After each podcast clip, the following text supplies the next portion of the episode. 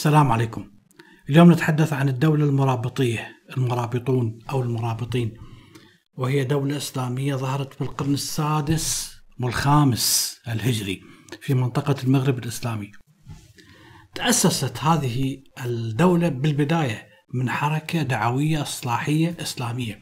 اعتمدت في بدايتها على كونفدرالية من قبائل صنهاجة اللي تحدث مع بعضها وبالتالي كونت لك هذه الحركة تكونت هذه الحركة من من قبائل صنهاجة.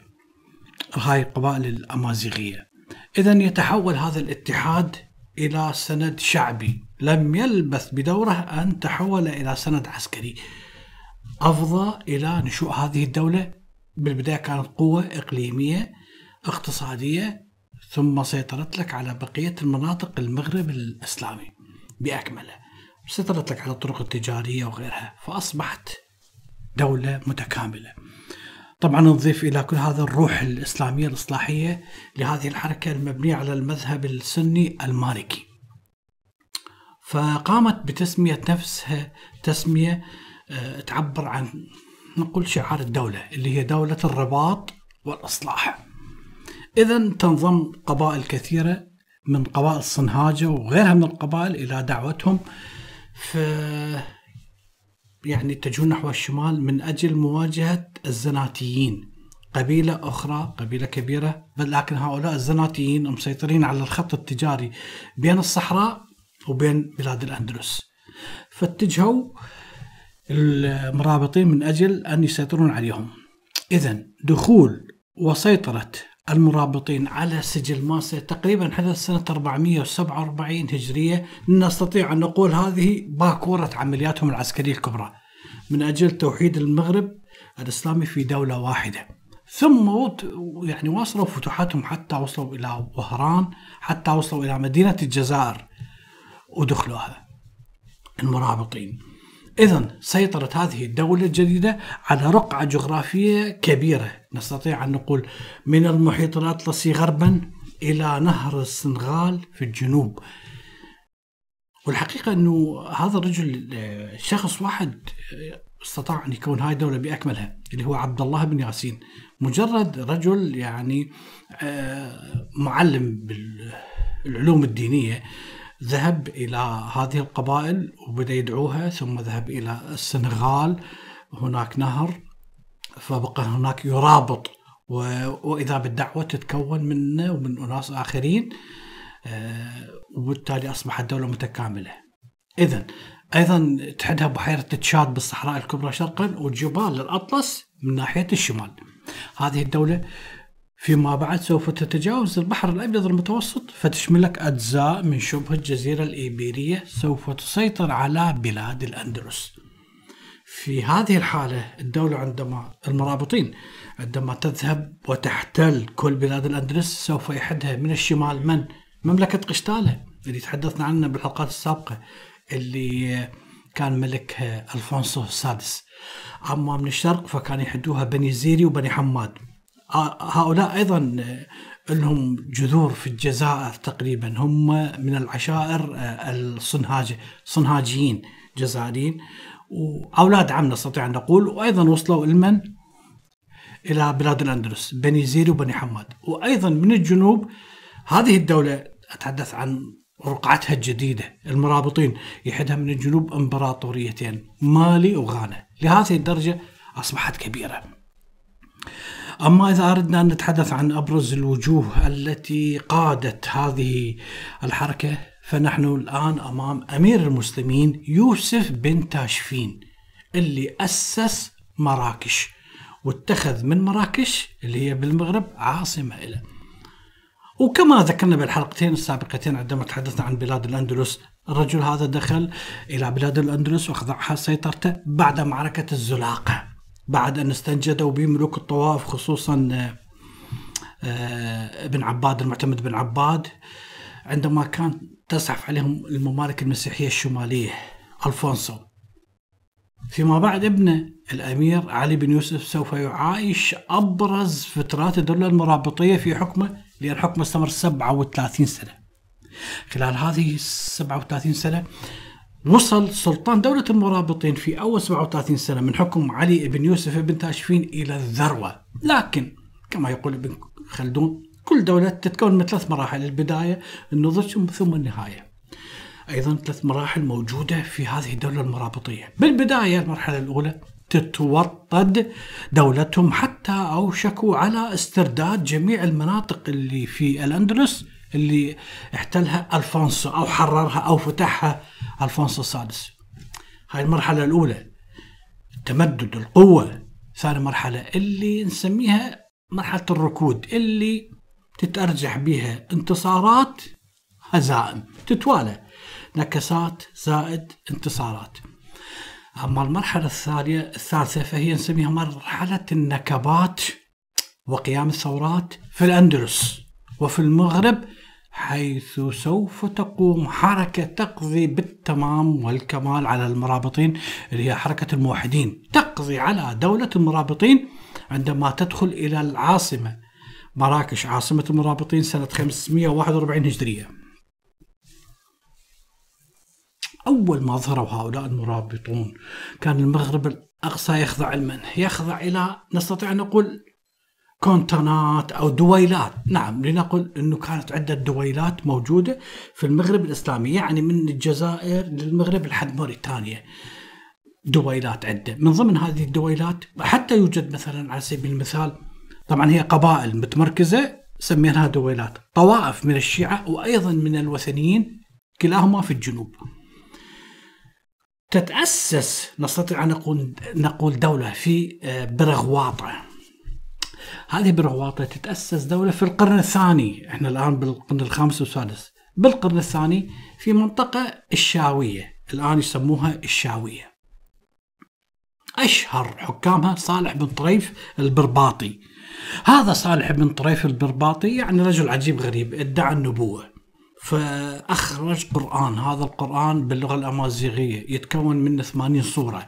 شرائع عجيبة غريبة. بطل صوم رمضان وقال رجب بن صومة بدون آه، بدل رمضان. وأضاف لك عدة أمور بالوضوء من ضمنها غسل الصرة والخاصرتين. وأيضا أباح الزواج من أكثر من أربعة وغيرها من الشرائع إذا كانت بالحالة المذهب المالكي اللي في القبائل المجاورة في عداء مع البرغواطيين فأجمعوا الفقهاء المالكيين على خروج هؤلاء من الدين الإسلامي.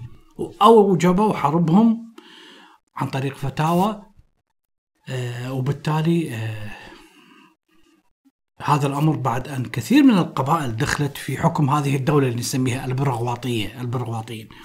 فأطلقوا لك حملة جدا كبيرة من أجل قتال هؤلاء المرتدين. حتى بالبداية قاتلوهم الأدارسة أصلا بداية الأمر ثم بعدهم الأمويين ثم المغراويين كل هؤلاء سوف يقاتلون البرغواطيين. هذه دولة البرغواطيين. دولة أخرى نسميها غمارة. هي أحد القبائل قبائل مصمودة. هذه الدولة اشتهرت أيضا بالمشعوذين. يعني حسب ما يقال بالتاريخ وكان يقصدوهم كثير من الخوارج للاحتماء في جبالهم. أيضا سوف يظهر عندنا آه، في هذه الدولة رجل مشهور حاميم الغماري. هذا أيضا ادعى النبوة. حاميم الغماري. هذا رجل ادعى النبوة ووضع أيضا لهم قرآن باللغة الأمازيغية. من تعاليمه أنه حلل لهم أكل أنثى الخنزير.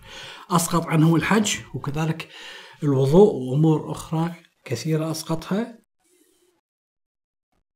وبنفس الوقت حرم بيض الطيور يعني لهذه الدرجة. وأيضا الزناتيين مثل ما ذكرنا موجودين بين الصحراء وبين إسبانيا. هؤلاء استقلوا أصلا عن الدولة الأموية بالأندلس سنة ألف ميلادي.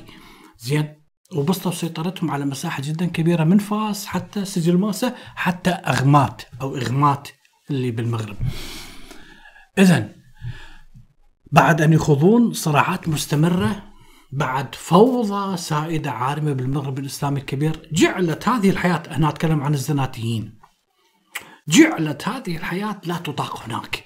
وحالة آه، دون حياة كريمة دون نشوء اقتصاد ممكن أن نعتبر اقتصاد طبيعي آه، ممكن يعيشون به الناس بسلام وأمان. لا في عهد الزناتيين حتى سلسلة من المجاعات جدا كبيرة جعلت الزناتيين يثقلون رعاياهم بالضرائب مما دفع فقهاء المالكية أيضا إلى إعلان الثورة ضدهم.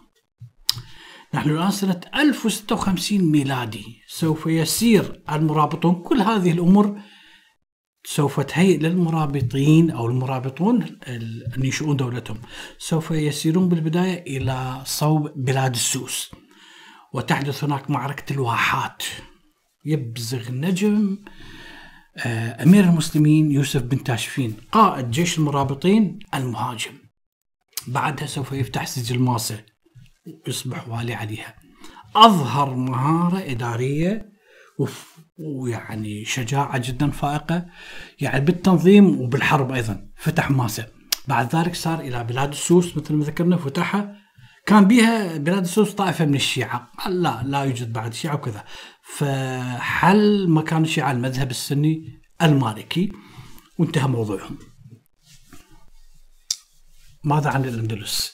الأندلس لا الأندلس كما ذكرنا بالحلقتين أو الثلاثة السابقات أنه كانت مبعثرة بين ملوك الطوائف وهؤلاء ملوك الطوائف فيما بيناتهم متناحرين والفونسو كل ما يعجبه يهجم عليهم. فاستغلك هذا الفونسو السادس ملك قشتالة الأوضاع المدهورة بين ملوك الطوائف وأقدم على احتلال طريطلة. وبدأ يتجه إلى آه، مناطق أخرى. ومثل ما ذكرنا استنجدوا آه، أهل الأندلس بالمرابطين. فأعلن الأمير يوسف بن تاشفين النفير العام من أجل الجهاد في بلاد الأندلس. إجت قوات من كل مكان من مراكش ومن الصحراء من بلاد الزاب من مختلف نواحي المغرب الإسلامي. عندما دخلوا إلى بلاد الأندلس كان عندهم إبل كثيرة جدا أثارت دهشة سكان الأندلس لأن لم يكونوا يشاهدون الإبل الإبل فقط بالصحراء ومع ذلك كان آه، موكب الأمير يوسف بن تشفين والقادة الجيش وكذلك الفقهاء هو آخر من عبر البحر الكلام سنة 1086 ومثل ما ذكرنا التحم الجيش القشتالي بقيادة ألفونسو بالجيش المرابطي بقيادة يوسف بن تاشفين في معركة الزلاقة مثل ما ذكرنا 1086 وانتصر آه، المرابطين انتصروا المسلمين انتصار جدا كبير. قبل أن يرجع الأمير يوسف بن تاشفين إلى المغرب إلى عاصمة المراكش جمع وراء طوائف وقال لهم يعني أريدكم تصبحون أوادم. كافي خلافات فيما بينكم كافي قتل لأن ألفونسو بأي لحظة يهجم عليكم. فأنصحكم تصيرون آه، متكاتفين وكذا وتكون كلمتكم واحدة لكن هو رجع سرعان ما دبت الخلافات بيناتهم. خلافات توصل إلى حد يعني كأنك يا أبو زيد ما غزيت اضطر يوسف بن تاشفين لنسميه ملك الموحدين أمير الموحدين إلى أن يعود ثانية إلى أندلس.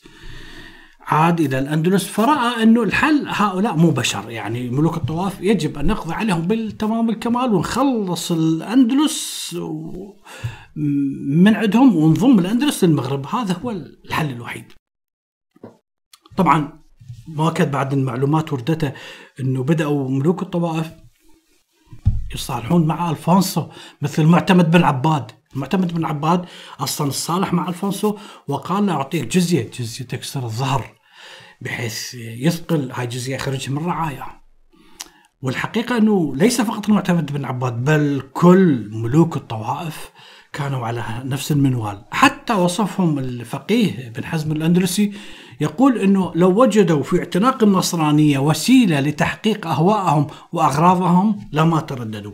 المهم فقهاء الأندلس اشتكوا إلى يوسف بن تاشفين وأجازوا إلى خلع ملوك الطواف والقضاء عليهم وتفكيك دولتهم. بل إنه جاءته فتوى من بغداد من الإمام أبي حامد الغزالي إنه يجب عليك أن تقضي على ملوك الطوائف.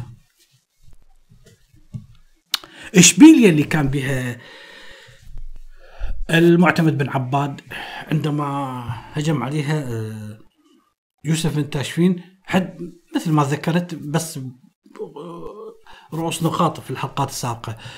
مقاومة جدا شديدة بعد أنه أنصاره بدأوا يصدون للمرابطين ليوسف بن تاشفين.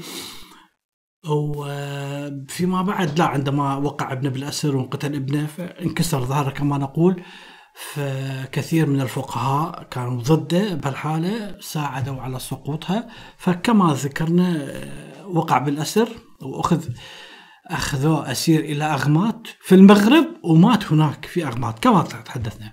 إذا عندنا سنة 1096 ميلادي يعبر يوسف بن تاشفين إلى الأندلس للمرة الرابعة على التوالي. وبالدخول. هذه المرة الرابعة أيضا في قتال داخل أرض قشتالة. وجه جيش صوب آه طليطلة. طليطلة اللي احتلها آه ألفونسو ملك قشتالة. والتقى أيضا هناك أين من القشتاليين. تحت قيادة ألفونسو انتصر المرابطون على القشتاليين سنة 1097 يعود الأمير يوسف أيضا إلى من؟ إلى مراكش.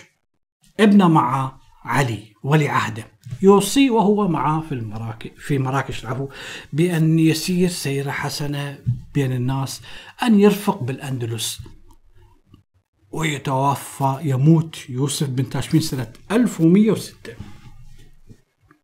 والحقيقة معظم المؤرخين والباحثين عندما يتحدثون عن يوسف بن تاشفين يقولون ترك أثر جدا كبير عند الأندلسيين خصوصا موقف الداعي إلى استمرار السيادة الإسلامية على الأندلس. هذه البلاد التي كانت تتهاوى أمام ضربات القشتاليين.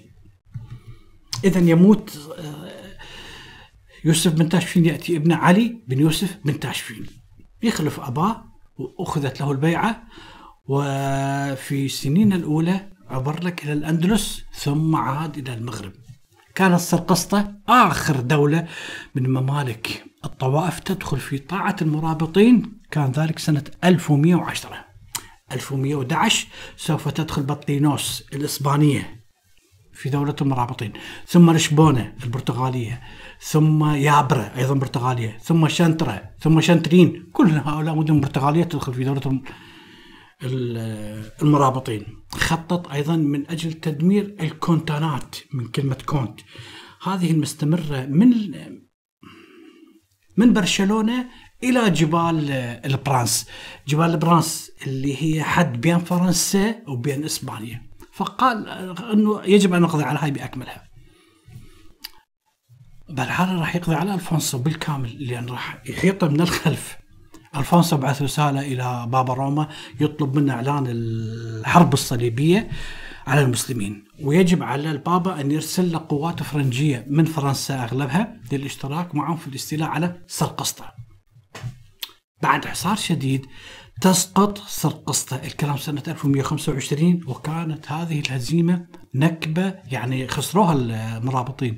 كانت نكبة لدولة المرابطين. بعد ذلك سوف يتقوى ألفونسو فيشن هجوم داخل العمق الأندلسي. بدأ باكتساح فالنسيا ثم مرسيا هؤلاء موجودات على الساحل الشرقي لإسبانيا. ثم وصل وين؟ للمريا. المريا أصلا يعني على ساحل المتوسط يعني قريبة جدا من من جبل طارق. إذا خلال هذا الاقتحام نظم صفوفه قوات القشتالية من أجل أن يصعد إلى أين؟ إلى قرطبة قرطبة صار تقريبا بالوسط قريب من الوسط أنه يقضي على قرطبة سنة 1124 كان هدف ألفونسو مدينة طرطوشة وكذلك برشلونة على الساحل الشرقي وأين؟ لإسبانيا. فأمر بإحضار رفات القديسين من أجل أن تكون عزيمة قوية للجند اللي يشاهدون رفات القديسين وأيضا جلب لك الرهبان ورجال الدين والأساقفة وضعهم بالخطوط الأمامية يقاتلون. مو بس خطب خطب ووعظ. إذا كانت الجيوش المرابطية سوف تقدم من أجل القضاء على ألفونسو. وأسرعت بالفعل بالاشتباك في حرب عنيفة مع ألفونسو. فتنهزم جيوش المرابطين. إذا أهالي المدينة سوف يعرضون على ألفونسو أنه يعني أعطينا الأمان ونفتح المدينة. لا رفض ألفونسو المنتصر وأصر على أن يقتحم المدينة بالقوة.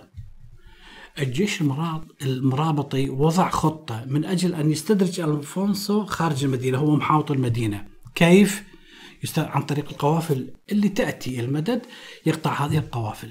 بالفعل قطعوا القوافل ترك المدينة ألفونسو وبدأ في حرب اشتباك مع المرابطين. انتصروا المرابطيون وانقضوا لك على جيش ألفونسو بالكامل. فسلبوا الجيش باكمله تمزق جيش ألفونسو ووقعت عليه هزيمة جدا كبيرة. إلى درجة أنه جعلته ينسحب من القتال وهو أصلا مجروح. ولجأ إلى أحد الاديره في سرقسطة بعد أشهر عديدة توفى يعني متأثر بالمعركة. اذا نحن الآن في عصر يوسف آه العفو. آه علي بن يوسف بن تاشفين. مثل ما ذكرت أيضا بالحلقة السابقة انه والده يوسف بن تاشفين. جمع الفقهاء فقال لهم ما رأيكم؟ إحنا أصبحنا دولة مستقلة. قالوا أنت أمير المؤمنين تصير لكن هو قال لا هذا أمير المؤمنين لقب يخص فقط شجرة أهل البيت اللي ينحدروا من منها من؟ بني العباس. وأنا مجرد داعي إلى هؤلاء بني العباس في الغرب الأندلسي في الغرب الإسلامي العفو لنقول وهم في الشرق. اذا آه، يوسف بن تاشفين عاش ومات وأصبح ملك وهو معترف بالخليفة العباسي كممثل شرعي وحيد لنقل للخلافة الإسلامية. وبدل من ذلك بدل أن يتلقب بأمير المؤمنين لقب نفسه أمير المسلمين أو ناصر الدين من أجل أن يثبت سلطته على بلاد المغرب وكذلك الأندلس. حتى النقود المرابطية اللي صدرت في عهده الدنانير السجل من سجل ماسة السجل ماسية عليها آه، صورة الخليفة وأيضا صورته أو يعني كتابة عباسية ومرابطية. ماذا عن فترة الركود؟ بعض المصادر التاريخية تشير إلى لقاء بين أبي حامد الغزالي ببغداد وبين شخصية. هذه الشخصية سوف تقضي على دولة المرابطين بالكامل وحديثنا عنها بالحلقة القادمة. هذا الشخص اسمه محمد بن تومرت. يلقب نفسه قال أنا المهدي المنتظر. فراح يصير اسمه المهدي بن تومرت. التقى هذا المهدي بن تومرت من المغرب ذهب إلى أبي حامد الغزالي بالمشرق هناك أبو حامد الغزالي هو جالس مع المهدي بن تومرت رفع ايده وبدأ يدعي على المرابطين. اللهم مزق ملكهم كما مزقوه. اللهم احرق دولتهم كما حرقوه. ماذا يقصد الغزالي؟ الغزالي يقصد إنه هؤلاء المرابطين قاموا بإحراق كتابه، كتاب الغزالي أحياء علوم الدين، فبدأ يدعي عليهم الله يحرقهم مثل ما حرقوه، الله يمزقهم مثل ما مزقوا. وأخذ ابن تومرت صك لنقل من الإمام الغزالي. رجع ابن تومرت إلى المغرب سنة 1126 وقد أصبح متفجرا بالعلم وشهابا في الدين كما يقول المؤرخ ابن خلدون. عنده تلميذ نجيب اسمه عبد المؤمن بن علي سوف يكون له دور جدا عظيم في تأسيس دولة الموحدين التي سوف تقضي على دولة المرابطين. يعني شخصيا أستطيع أن أقول دولة المرابطين اعتبروهم الإخوان المسلمين اعتبروهم الموحدين دواعش طلبان. هؤلاء آه، ابن تومارت وصاحبه بدأوا يأمرون بالمعروف يأمرون بالمعروف ينهون عن المنكر على طريقتهم الخاصة في كل بلاد المغرب. دعوة فقط. ينضمون لهم خمس أشخاص هم اثنين يصبحون سبعة. تخيل! يعني المرابطين شخص واحد عبد الله بن ياسين ذهب كون دولة مثل شو يسموها؟ كرة الثلج. هؤلاء سبعة أيضا واحد أصبحوا اثنين سبعة. سوف يبدأون دعوة جدا كبيرة. فوجدت حسب رؤيتهم يعني حسب دستورهم حسب شريعتهم وجدت لها الأذان صاغي. لماذا؟ لأنه كانت المنكرات حسب رأيهم جدا كثيرة في دولة المرابطين، مثلا الخمور تباع بشكل علني حتى في مراكش. أيضا الضرائب أصبحت جدا يعني تاثر على المواطنين. عالية الضرائب. أيضا اختلاط صار بين النساء والرجال جدا عادي. هذا شيء يرفضوه لدرجة أن المؤرخين يرون حادثة. يقولون أن ابن تومرت في إحدى المرات رأى بنفسه امرأة مكشوفة الرأس والوجه وخرجت وعليها حراسة جدا شديدة. فعندما استفسر من هذه المرأة فقالوا هذه أخت أمير المسلمين أخت علي بن يوسف بن تشفين. فأنكر ذلك كما تقول المصادر التاريخية إنكار جدا شديد حتى أنه بعض المصادر التاريخية تقول أنه هو وجماعته اعتدوا على ذلك الموكب.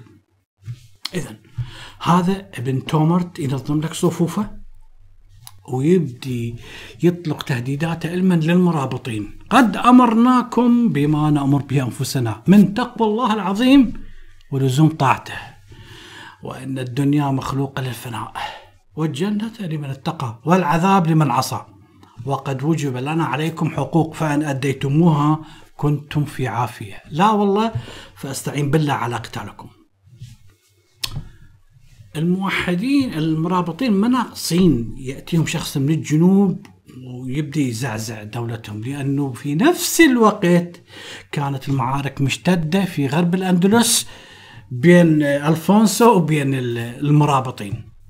كاثرت في وقتها ضربات القشتاليين وإذا بيطلع لهم من الجنوب بن تومرت يقتحم أسوار مراكش ثم يعود إلى الجبل.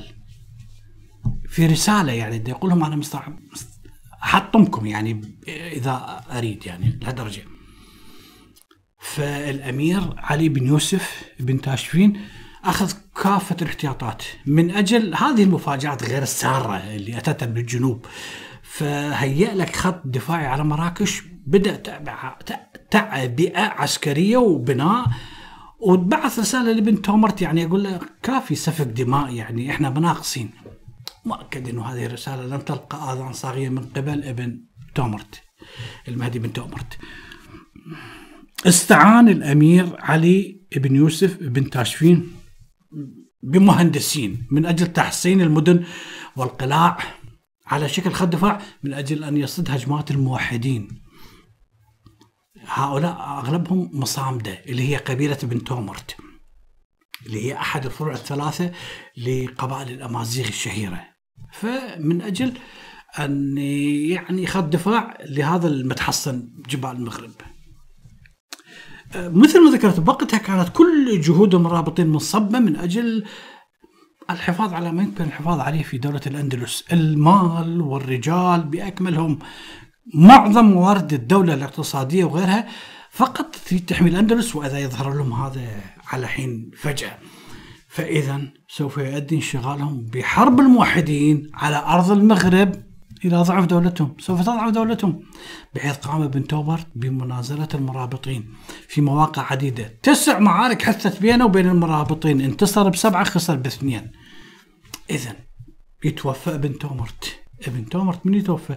يتولى قيادة الموحدين سفاح يعجبكم. عبد المؤمن ابن علي تلميذه. هذا استطاع أن يجمع لك كلمة الموحدين وبعد ذلك اتجاه إلى قتال المرابطين. وكأنه كما يقولون المصائب لا تأتي آه، فرادى المصائب تأتي دفعة واحدة أو بالتوالي. تحدث أزمات اقتصادية. أزمة اقتصادية حادة جدا كبيرة في ربوع الدولة المرابطية. سنة تقريبا 532 يقع فيضان جدا كبير بطنجة يهلكوا لك به خلق جدا كثير ودواب وزرع وبأكملها يعني بحيث تحدث مجاعة. لا يكفي. جراد يقضي لك على حقول الزراعة في الأندلس بالكامل تقريبا من 526 إلى 531 يعني احسب كم سنة. خمس سنوات الجراد يقضي على مزارع وحقول إسبانيا. اشتدت مجاعة ينتشر الوباء بأهل قرطبة. فكثر الموتى وبالحالة الأسعار سوف تغلو. ليس ليس هذا فقط. سنة 525 يحدث حريق جدا كبير بسوق قرطبة. حريق آخر في فاس. يعني وهذه بالأسواق هي هي هي عصب الدولة بأكملها الحرائق التهبت سوق بجانب سوق فحدثت حرائق جدا كثيرة سقطت لك الاقتصاد. اللي راح يحدث إنه الأموال انتهت المال احترقت البضائع احترقت فافتقروا بسبب هذه الأمور خلق جدا كثير. مو كافي يعني دولة المرابطين باقي ناقصها قحط وتكمل السبحة يحدث قحط اللي حلك بالبلاد فيبست كثير من الأراضي الزراعية جف الزرع وهلكت على أثر الدواب. وبالتالي سوف تحدث هجرة أمازيغية من الجنوب المغربي من المغرب الكبير لنقول كذا نحو الأندلس سنة 1140 يصفها المؤرخ ابن عذارة يقول أنه هذا انجلاء العظيم نحو الأندلس. وسببها العوامل اللي ذكرناها. على أثر كل هاي العوامل انعدام الأمن غلاء المعيشة المجاعات. وعندما تأتي للسبب الرئيسي هو الحصارات التي قام بها الموحدون في للمناطق اللي مسيطرين عليها من؟ المرابطين يعني دولة المرابطين. إذا يموت علي ابن يوسف بن تاشفين يأتي من بعده ابنه. تاشفين ابن علي ابن يوسف ابن تاشفين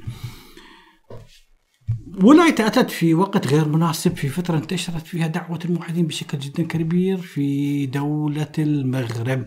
فأخذت تحرض لك القبائل على التمرد مستفيدة من ضعف الدولة. دولة أصبحت ضعيفة منهكة جدا. وأيضا اللي صار إنه هجمات كثيرة أصبحت بنفس الوقت من القشتاليين على في بلاد الأندلس عليهم حاول بكل جهده تاشفين من على تنظيم الدولة وعادت يعني الهيبه عادت جدوله أولويات السياسية. فوجد إنه ضغط الموحدين عليه في المغرب لا أكثر شدة من أن تستطيع أي أداة سياسية ماهرة أن توقف هذا الانحدار يعني بحيث الموحدين أكثر غضب صاروا أكثر بلاء على الدولة المرابطية من جيوش قشتالة. اذا هذه الحرب اللي شنوها الموحدين أحدثت يعني حالات خوف في بلاد المغرب. فاضطرب الأمن وازدادت الانقسامات فحصلت موجة نزوح معاكسة من المغرب إلى الأندلس كما تحدثنا هاي بغض النظر عن المجاعة والفيضان وغيرها كلها من مخاطر الموحدين خصوصا بعد أن تحرك عبد المؤمن من بلاد المصامدة القبيلة اللي ينتسب لها إلى المغرب وبدأوا الموحدون يقتربون منين من ريف سبتة وتطوان. الكلام سنة 1141 إذا يستخدم تاشفين كل الوسائل للقضاء على الموحدين لكنه يفشل. أخذت القبائل المتحالفة مع المرابطين تفك الطاعة بسبب قوة الموحدين. والتنظيم لهم يقوم الجيش الموحدي الموحدين بحصار مدينة فاس ومكناس. على أثرها سوف يقوم مجموعة من أبرز قادة جيش أو قبيلة أحد القبائل اللي مأيدة للمرابطين بالاتجاه نحو مدينة فاس وينشقوا لك عن الجيش المرابطي. وبالتالي يدخلوها وينزعون اللثام. اللثام اللي يغطون به حتى أنفهم هو يعني شعار للمرابطين مشهورين يسموهم الملثمين. بنفس الوقت يتوصل عبد المؤمن آه، مع أحد الأشخاص اللي هو قائد الأسطول المرابطي يتواصل وياه ويعلن الشقاقة عن دولة المرابطين وينضم للموحدين. الحلقة القادمة عن الموحدين. شكرا لكم.